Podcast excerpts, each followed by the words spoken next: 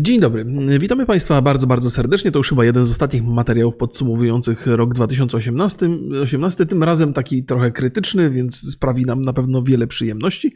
Większość rzeczy, które dzisiaj będziemy omawiali, e, wspominaliśmy o nich e, wcześniej. I dzisiaj tak ogólnie, chociaż też pojawia się temat bardziej ambitny, bardziej zaskakujący, o którym także sobie porozmawiamy. Dzień dobry, witam pana bardzo serdecznie. Dzień dobry, witam państwa, witam pana, panie Remigiuszu. Czy zaczynamy... Zaczynaj, za, zaczynajmy, rok obraża duże firmy deweloperskie. Tak, jasne. Więc, y, czyli rozumiem, że temat, y, bo pośród różnych rzeczy, o których będziemy opowiadali, będziemy wspominali także o Bitcoinie. Y, ale Bitcoina zostawimy sobie na koniec, tak, bo to myślę, jest że... temat złożony. I na którym się nie znamy, więc idealnie tak ci jest. Bardziej nerwowi już nie będą oglądać naszego programu. Proszę Państwa, kiedy rok 2018 się zaczynał i kiedy rok 2018 trwał, to sądziłem, że przynajmniej w branży gamingowej wszyscy będą szczęśliwi. Wychodził God of War, wychodził Spider-Man, e, coraz lepsze gry i szykowało się fantastyczne zakończenie roku, a tymczasem na końcu roku huknęło, huknęło Bethesdą i Falloutem 76. Od tego sobie zaczniemy. Co ciekawe, te, większość tych porażek miała miejsce w listopadzie i w grudniu. Czyli sama końcówka roku nas, nas rozczarowała. Mnie wręcz zdołowała, bo ja jestem ogromnym fanem Fallouta. To jest taki czas niezwykły i warty wskazania, w którym Bethesda w przeciągu dwóch, trzech tygodni straciła szacunek większości graczy. To znaczy, są oczywiście fani marki Fallout i to się nie zmieni, ale jeżeli chodzi o ocenę Bethesdy, to z, z, z bardzo wy, wysokich pozycji spadła praktycznie na ziemię albo na Tak jak pod. cena 76, którą no. można już za 50 zł kupić. Co jest i tak za drogo, proszę Państwa, proszę poczekać, aż będzie free to play. No właśnie, się zastanawiam, e, jak się skończy ta historia tej gry. Czy. No bo nie może zostać zaorana. Ja zastanawiam się, jak będzie traktowana obietnica, że to będzie wspierana nie wiadomo jak długo gra no to są takie pierdołowate obietnice. Ale to, wiesz, jakby to jest, możemy tą obietnicę wrzucić w kampanię reklamową i traktować jako coś, co nam obiecano. No tak, może. Więc zastanawiam się, czy nie zbierze się odpowiednia liczba osób, na przykład za rok i nie pozwie. Znaczy wiesz co, no, Bethesdy. być może nad grą będzie pracowała jakaś, jakaś minimalna obsada, no i Bethesda zawsze będzie, no przecież pracujemy nad tym, no jeszcze 10 lat i będzie gra świetnie, świetnie zrobiona. To nie jest w ogóle ta, takie podejście do gry i to też muszę przyznać, że jest w przypadku Antema e, pokazywane. Ja nie życzę sobie i mówiłem to w materiale, żeby mi ktoś mówił, że gra, gra będzie wspierana przez 10 lat. Ja chcę dostać grę, która jest dobra w momencie premiery, a jeżeli będzie dobra i dużo ludzi będzie w nią grało, to jest spora szansa, że to będzie wspierane przez 10 lat, bo to się będzie opłacało. Jeżeli grę kupi mało osób, to nie ma bata, mimo wszelkich deklaracji, żeby ktoś ją wspierał.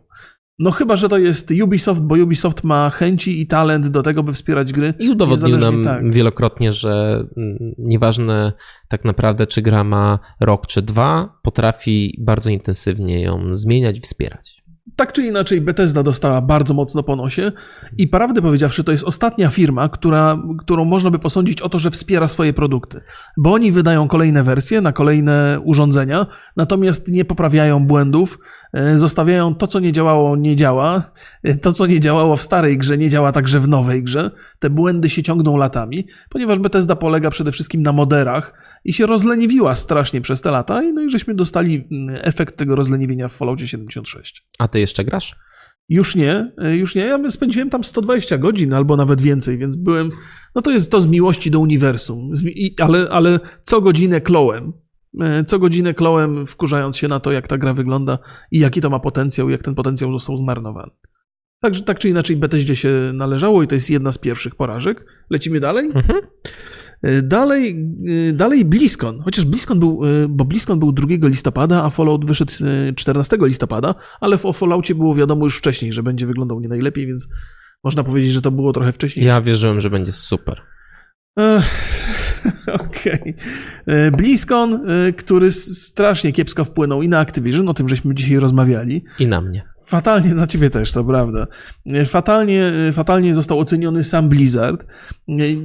Pewnie nie było to następstwem BlizzConu, ale mnóstwo ludzi odeszło z tej firmy i w zasadzie sposób odchodzenia tych ludzi z firmy przypomina uciekanie z tonącego okrętu. To jest zatrważające. E, już wcześniej odszedł Mike e, Morheim, e, ale mm, teraz ostatecznie zupełnie jakby się wypisał z firmy, bo był nadal gdzieś tam coś robił. Chrisa Metzena już nie ma. Ben Brody odszedł. Teraz bardzo głośne odejście Spencera Newmana, gdzieś tam po drodze do Netflixa. Dziewczyna, która miała firmę ratować i ciąć koszty, także odeszła. Także tam się dzieją straszne rzeczy. No i, no i rozpoczął to Diablo Immortal właśnie na BlizzConie 2018. Ale dla mnie chyba najważniejszą taką rzeczą, która wypłynęła z całego tego, z całej afery BlizzConowej, jest to, że y, Blizzard nie ma pomysłu na Diablo 4. Albo nie są w stanie zaprezentować go sensownie, albo są, no, jest jakby, są tak, y, tak daleko od skończenia tej gry, albo uformowania ją w jakieś sensowne y, ramy, że to jest porażające po prostu. Porażające jest także to, to, że Blizzard nie ma pomysłu na Diablo 4, to jest bardzo przykre, ale gorsze jest to, że oni nie mają pomysłu na nic. To znaczy, tam się nic nie dzieje. Nie zostało zaprezentowane w zasadzie nic, zaprezentowane w zasadzie nic, nic z wyjątkiem y, różnych odsłon ich gier na, na, na, na mobilki. Co w zasadzie jest, jest skokiem na kasę i skokiem na rynek, który z Bliskonem niewiele ma wspólnego. No właśnie, czyli mamy taki e, etap dojenia rzeczy, które już są, ale ja na przykład mam ogromną. E, chciałbym zobaczyć nowe IP od Blizzarda. Jak najbardziej, najwyższa pora chyba. Czemu nie? Znaczy, oczywiście rozumiem, że pod względem biznesowym jest to spore ryzyko, Mhm. Ale tak samo jest, jest duża szansa porażki, jak i duża szansa zarobienia ogromnych pieniędzy. Jak, jak zresztą udowadniają takie firmy jak Rockstar i CD Projekt Red, można robić gry. W zasadzie te wszystkie, to też o tym wspominałem gdzieś tam w innym materiale, że Blizzard od dłuższego czasu robi gry skrzynkowe. Najwyższa pora, żeby zrobił jakąś inną grę, ale no nie zanosi się. No i po tych sytuacjach, które w ogóle w Blizzardzie mają miejsce, można podejrzewać, że albo to się całkiem posypie, albo dostaniemy wysyp małych produktów, które nie są specjalnie dobre nie są specjalnie istotne, bo gdzieś tam e, pośród tych różnych plotek i opowieści Activision słyszałem, że z, jakby zostaje przełożony nacisk z produkcji dużych gier na produkcję e, mniejszych gier, które częściej są e, wydawane. Więc ni stąd, ni zowąd z potężnej i fantastycznej firmy Blizzard stanie się takim e, wysypiskiem albo ale wyrzutnią czekaj, ale co to znaczy? Bo to małe projekty takie na przykład, że idziesz do, wiesz, tak jak jest w Artifex, w Artifex Mundi, mhm. że masz pomysł na grę, zapiczujesz ją zarządowi, oni się zgadzają, więc dają ci mały zespół i możesz ją robić. Wiesz co? Czy to raczej jest takie, że. Dobra, e, no, znaczy można mieć nadzieję, nie oszukujmy się, nie? Gdyby to był pomysł Blizzarda, to ja bym wierzył, że te małe projekty mogą mieć sens. Ale jeżeli to jest projekt Activision narzucony Blizzardowi, no to raczej nie, nie, nie wróżę sukcesów, tym bardziej, że te największe nazwiska z Blizzarda już dawno w Blizzardzie nie są. No i, y, ale mm, jeżeli chodzi po, y, po, po tym ogłoszeniu y, Diablo Immortal i po całej tej sytuacji, rynek bardzo sprawnie zareagował. I tak naprawdę mm, ci, którzy oczekiwali Diablo, nagle okazało się, że ileś tam mają rzeczy do wyboru. Mhm. Path of Exile, tak, tak, czy polski Book of Demons, z którym ja zrobiłem 44 godziny po prostu od, y, od premiery, a premiera była na początku grudnia. I tak naprawdę, jak skończyłem trzecią postacią Book of Demons, to tak zastanowiłem się chwilę i stwierdziłem: OK, ten mój głód na Diablo został zaspokojony. Mhm. Świetnie się bawiłem przy tej grze i w sumie też mnie to nie obchodzi, to Diablo.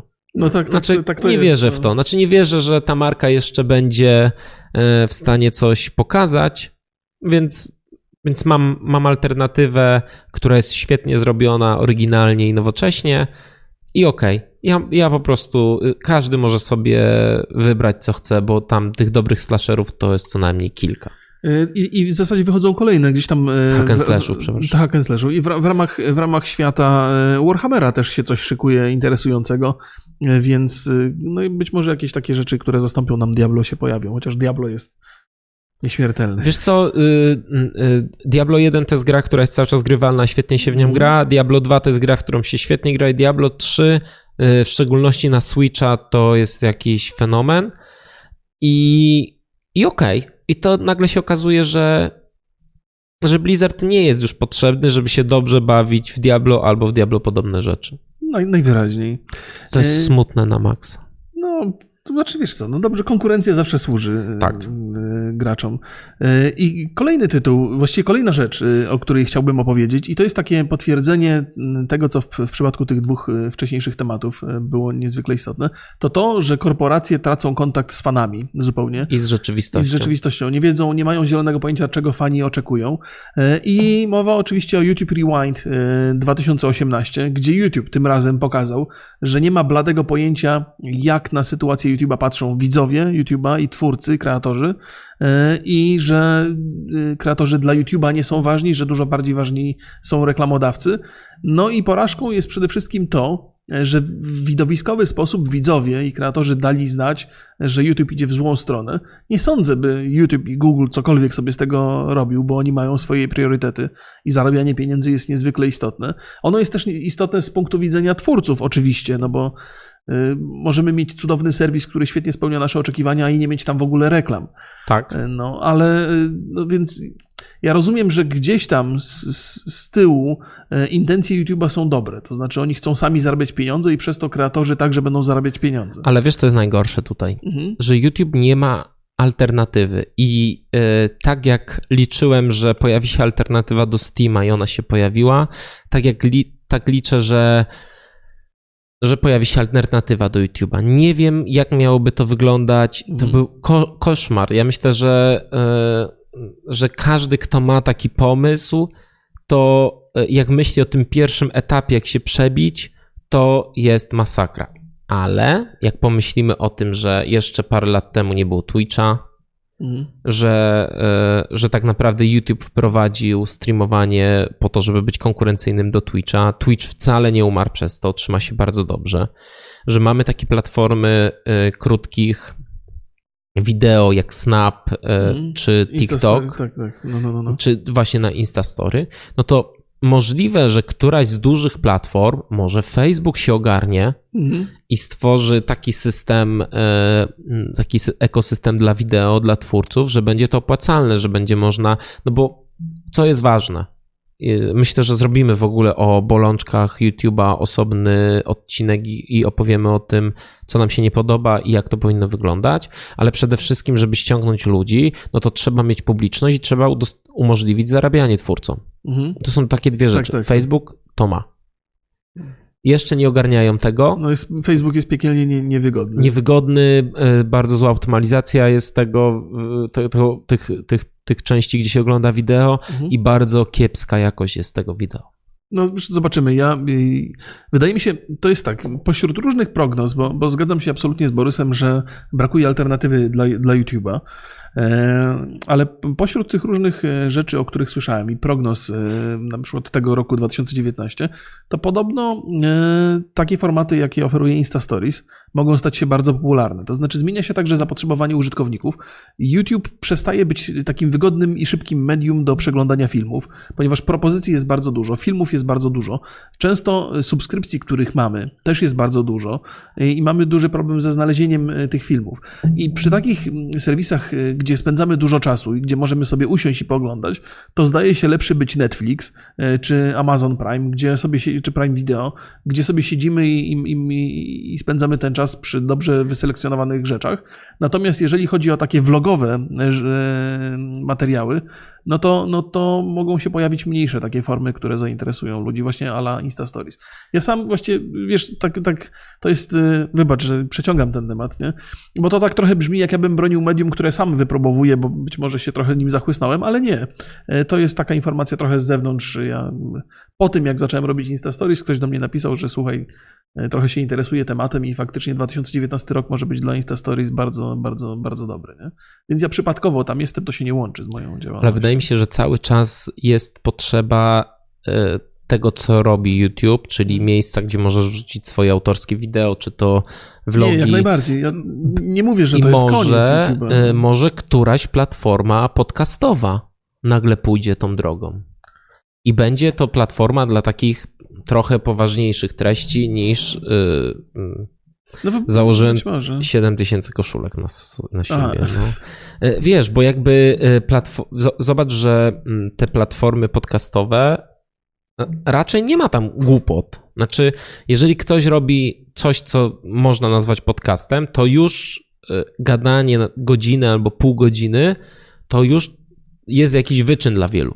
Tak, tak, tak. Zresztą tak, tak, zdecydowanie ogranicza grupę, grupę odbiorczą.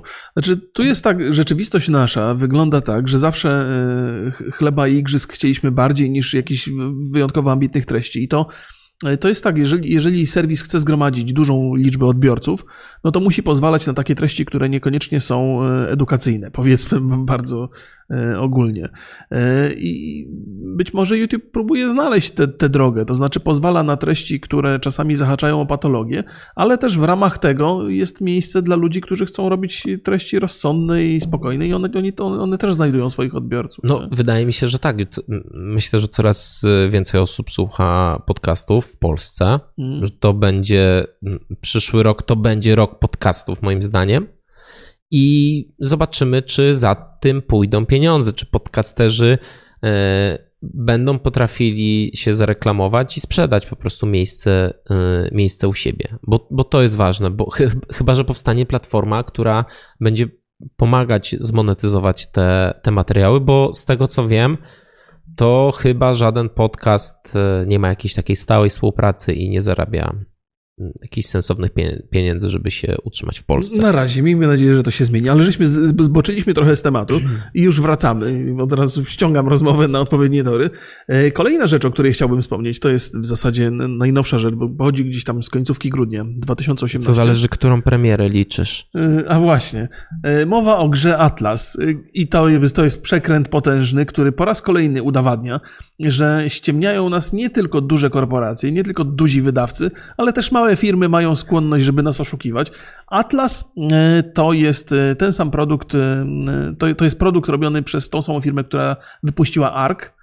Survival Evolved, zdaje się, tak, tak. tak takie miało rozszerzenie. Cała historia wygląda i można, można ją podejrzewać, że wygląda tak. Otóż twórcy ARK mieli wypuścić DLC, które się miało dziać mor na morzu, miał, mieli być piraci, ale w związku z tym, że dużo ludzi mieli, miało wykupioną wersję premium gry ARK, to to DLC dostaliby za darmo. E, I ktoś tam wpadł na pomysł, że sprzedajmy te, ten, ten produkt jako nową, niezależną grę. Dzięki temu będziemy mogli zarobić. I ludzie się zapalili strasznie do tego projektu. Oglądali trailer, on się pierwszy raz chyba pojawił na TGA, bardzo widowiskowy, pięknie zrobiony. I wypuszczono tę grę w postaci fatalnej, gdzie od początku widać, że to jest e, kopia prawie jeden do jeden Arka. Przepraszam, że ci przerwę. Mhm. Jeszcze zanim ją wypuszczono, to przesuwano chyba tak, cztery tak, tak. razy datę premiery. O dzień na przykład, o tydzień. I to widać, że jakieś potężne problemy są z tym projektem. Ale co ciekawe, te problemy, które się pojawiały, oczywiście frustrowały graczy, którzy, którzy mieli ogromne oczekiwania. Ja też miałem okazję oglądać wycinki streamów, streamerów, którzy czekali na tę grę jak na zbawienie. Jakby to miał być jakiś wielki cud. Ja miałem od razu silne podejrzenia, jeżeli chodzi o, o, o tą produkcję i one się niestety sprawdziły. Ta gra wyszła w, w koszmarnym stanie. I to jest, to jest absolutnie nie, nieprzyjemny przykład tego, jak bardzo łatwo. To jest ciekawe, że nie ufamy już dużym korporacjom. Jak słyszymy o Antemie albo na przykład o Battlefieldzie 5, to mówimy: Nie, nie, nie ma mowy, żebym to kupił. E, albo po, poczekam. Nas. Tak jest. E, bo wiadomo, że to jest Electronic Arts. Natomiast na taką grę od studia niezależnego wszyscy się rzucili. No i mają czego żałować. Patrzę na recenzję. W ogóle nie ma recenzji na Metacriticu. Yy, Atlasa? Tak. Bo, znaczy... bo to jest chyba early access ciągle, mimo Aha, wszystko. Okej. Okay. Bo właściwie... negatyw... większość jest negatywnych od, od, od userów, mhm. a na Steamie Atlas ma zdecydowanie negatywne oceny. 33% e, tylko jest pozytywnych, a to mhm. jest e, prawie 19 tysięcy. Gra wygląda koszmarnie. E, w porównaniu do tego trailera pokazywanego na TGA to jest Absolutnie przypomina to historię z No Man's Sky. No właśnie, tylko że No Man's Sky mm, nie, goście nie, nie odpuścili tego i poprawili tą grę, a tutaj to jest taki już w zamiarach wygląda na, znaczy to jest to oszustwo po tak, tak prostu. Tak, tak, Takie tak. mięciutkie, ale jednak y, no dość, dość obrzydliwe.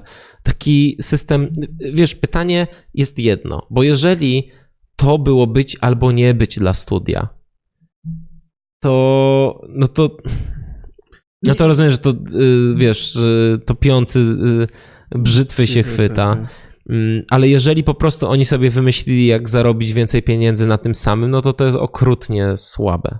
No, no, no trudno, też, też właściwie nie wiem, jak wyglądała sytuacja studia.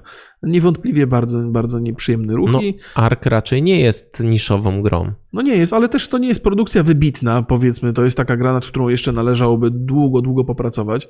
No ale to jest taka właśnie jedna z tych survivalowych gier, których jest pełno. Ona była wyjątkowa pod wieloma względami, graficznie wyglądała nie najgorzej.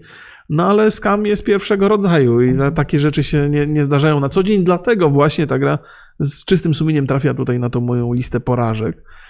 Yy, No i co? Przechodzimy do Bitcoina. Jestem bardzo ciekaw. Bitcoin, o, no właśnie, no ja chciałem chwilę, nie jestem specjalistą od kryptowalut, Mhm. ale e, interesują mnie karty graficzne, Mhm. a cała sytuacja z koparkami sprawiła, że e, karty bardzo mocno zdrożały.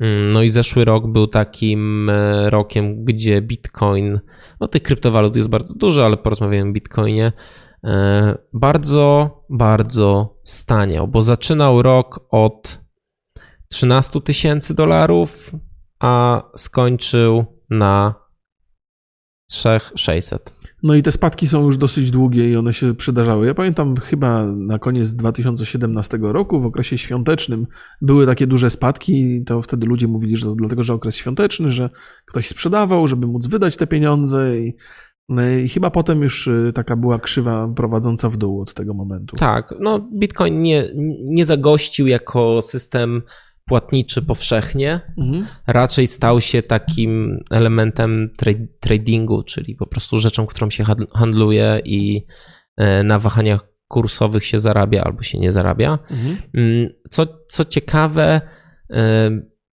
w tym, w tym roku, czyli 2019, zapewne wróci bardzo dużo kart z koparek. Bo już za dużo e, administracje państwowe mm, e, próbują kontrolować bitcoina, który Mhm. miał być jakby poza tym wszystkim państwowo-bankowymi układami, miał być taką walutą niezależną. I zobaczymy, czy to wpłynie na ceny kart nowych. Mhm. Ja chciałbym sobie wymienić kartę, tak myślę powoli, bo mam 980 Ti, Aha, aha. która cały czas mi, Tak, tak, to jest dobra karta. Ja też cały czas, przez- cały przez- czas naprawdę sprawia, że, że większość gier gram na, na wysokich, Mhm. no ale wcześniej grałem na ultra. A, no tak, no czas się zmienia. I, e, I tak się zastanawiam, może rok, może dwa i najwyższa pora już to wymienić. Zresztą będę wymieniał pewnie cały komputer. I, i, pytanie, czy. No bo zobacz, skończył się boom i już są karty z powrotem na rynku. Mhm. Jest e, ich, są dostępne, no bo w pewnym momencie nie były w ogóle dostępne, albo miały tak zawyżone ceny, że to była masakra. Ale jakoś specjalnie nie wróciły do takich dobrych cen, nowe przynajmniej karty. No I cały czas przez ten boom, przez ten, e, przez ten boom, boom kryptowalut, no to wzrosły ceny mm, kart. No ja miałem to szczęście, że kiedy kupowałem kartę poprzednią, czy to było 1080 Ti, no to między tym okresem ten boom na koparki nastąpił między, między moim tym zakupem i kolejnym, gdzie tego RTX-a Mhm. e, mam, więc y, RTX jest potwornie drogi, niezależnie chyba od koparek, bo to jest w ogóle... Tak, to, to on tam od e, 4000, tak? Kosztuje? jest b- b- Nie wiem dokładnie, przyznaję się.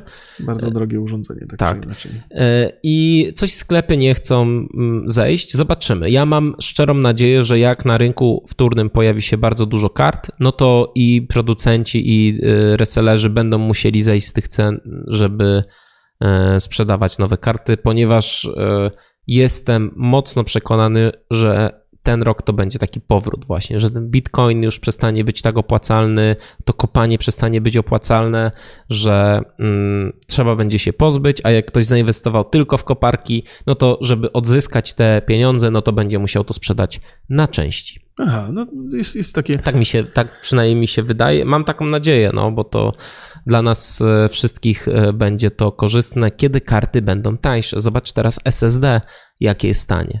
Mhm. Więc na przykład teraz jest dobry, ja kupiłem sobie ostatnio 500 giga dysk A, e, i, e, i, i widzę, że, że naprawdę niewiele za, ja kupiłem 500 giga za 500 zł bodajże, czy nawet taniej za 460, więc to jest, e, to jest dobra, dobra cena. I tyle. Y, Tyle z twojej strony. Natomiast ja bym jeszcze y, parę rzeczy dodał. Ja też nie jestem wielkim, y, nie, nie śledzę bitcoinów za, za bardzo. Nie byłem nigdy fanem szczerze mówiąc miałem takie silne podejrzenia, że to kiedyś prędzej czy później musi walnąć. Chociaż zważywszy na to, jaka pierwsza cena była, jaka jest teraz aktualnie, mimo tych spadków, to jest i tak bardzo, bardzo, bardzo dobra wa waluta jednak. Chociaż jej przyszłość może się w czarnych barwach malować. No ale dobra waluta nie cechuje się takimi skokami No tak, ceny. tak, to, to nie no, jest, no, to trochę inne mechanizmy pewnie działają niż w przypadku takiej tradycyjnej waluty. E, Dosyć dużo śledziłem sobie wpisów Artura Kurasińskiego, który s- swego czasu sporo Który pisał. znany jest z tego, że sporo ma wpisów. No właśnie, ale o bitcoinach też bardzo mnie ciekawiły dyskusje na temat e, bitcoinów i tam w zasadzie trudno było znaleźć e, jakieś e, takie rzeczy, na których można polegać, bo jeżeli ktoś był zwolennikiem bitcoina, to przedstawiał tylko te fakty, które świadczyły korzystnie o tej walucie. Jeżeli ktoś był przeciwnikiem, to tylko niekorzystnie i naprawdę ciężko było znaleźć takie analityczne opracowanie. Ale pośród porażek w 2018 roku, jeżeli chodzi o bitcoina, chyba przydarzyła się taka sytuacja, że oni wypuścili jakieś takie urządzenie, które miało być nie- niehakowalne. Słyszałeś o tym? Nie. Nie, bo tak jak już mówiłem na, na wstępie, Bitcoin mnie interesuje ze względu na karty graficzne, a nie jako na. Nie, nie, ani nie, nie śledzę tego za bardzo, ani nie jestem ekspertem. No, rozbawiła mnie ta sytuacja. Ja ją też tylko pobieżnie obserwowałem jakiś czas temu i tak wspomnę o tym e, po, pobocznie. Ale jeszcze jedną rzecz powiem, jak ktoś mówi, że wypuszcza niehakowalne urządzenie, to Tak już jest. jest. to zabawne. Bo tam y, ktoś chyba wyznaczył nagrodę 250 tysięcy dolarów, jeżeli to urządzenie zostanie schakowane. I znalezio- znale- znalazło się masę sposobów, ale jeden z najciekawszych, nie wiem czy to było urządzenie, czy to był jakiś system, ale jeden z najciekawszych był taki, że jakiś młody człowiek, tam chyba 15-letni, skakował to urządzenie, żeby zainstalować sobie Duma i pograć w Duma na, na, na, na, tym, y, na, na tym mechanizmie, czy cokolwiek to było. I myślałem, myślałem że, że pośród porażek, y, właściwie to, to, to, to jest jeden z takich momentów y, w historii Bitcoina, który gdzieś tam bardzo był widowiskowy. I nie sądzę, żeby wpłynął, chociaż może na wiarygodność firmy i, i waluty także. No i co? Zamykamy historię naszych porażek największych? Znaczy, to nie są nasze porażki, na Nie. szczęście. Tak, tak subiektywnie. Znaczy bardziej te. e, Nie wiem, czy Bitcoin to jest porażka. Ja mam nadzieję, że to po prostu ta sytuacja się jakoś tam wyrówna i, e, i rynek kart odetchnie jakoś sensownie. Zobaczymy, co to będzie. Ciekawy rok dla kart graficznych, tak mi się wydaje. Dziękujemy zatem bardzo serdecznie i pozdrawiamy. Do zobaczenia następnym Trzymajcie się, razem. cześć. Hej, hej.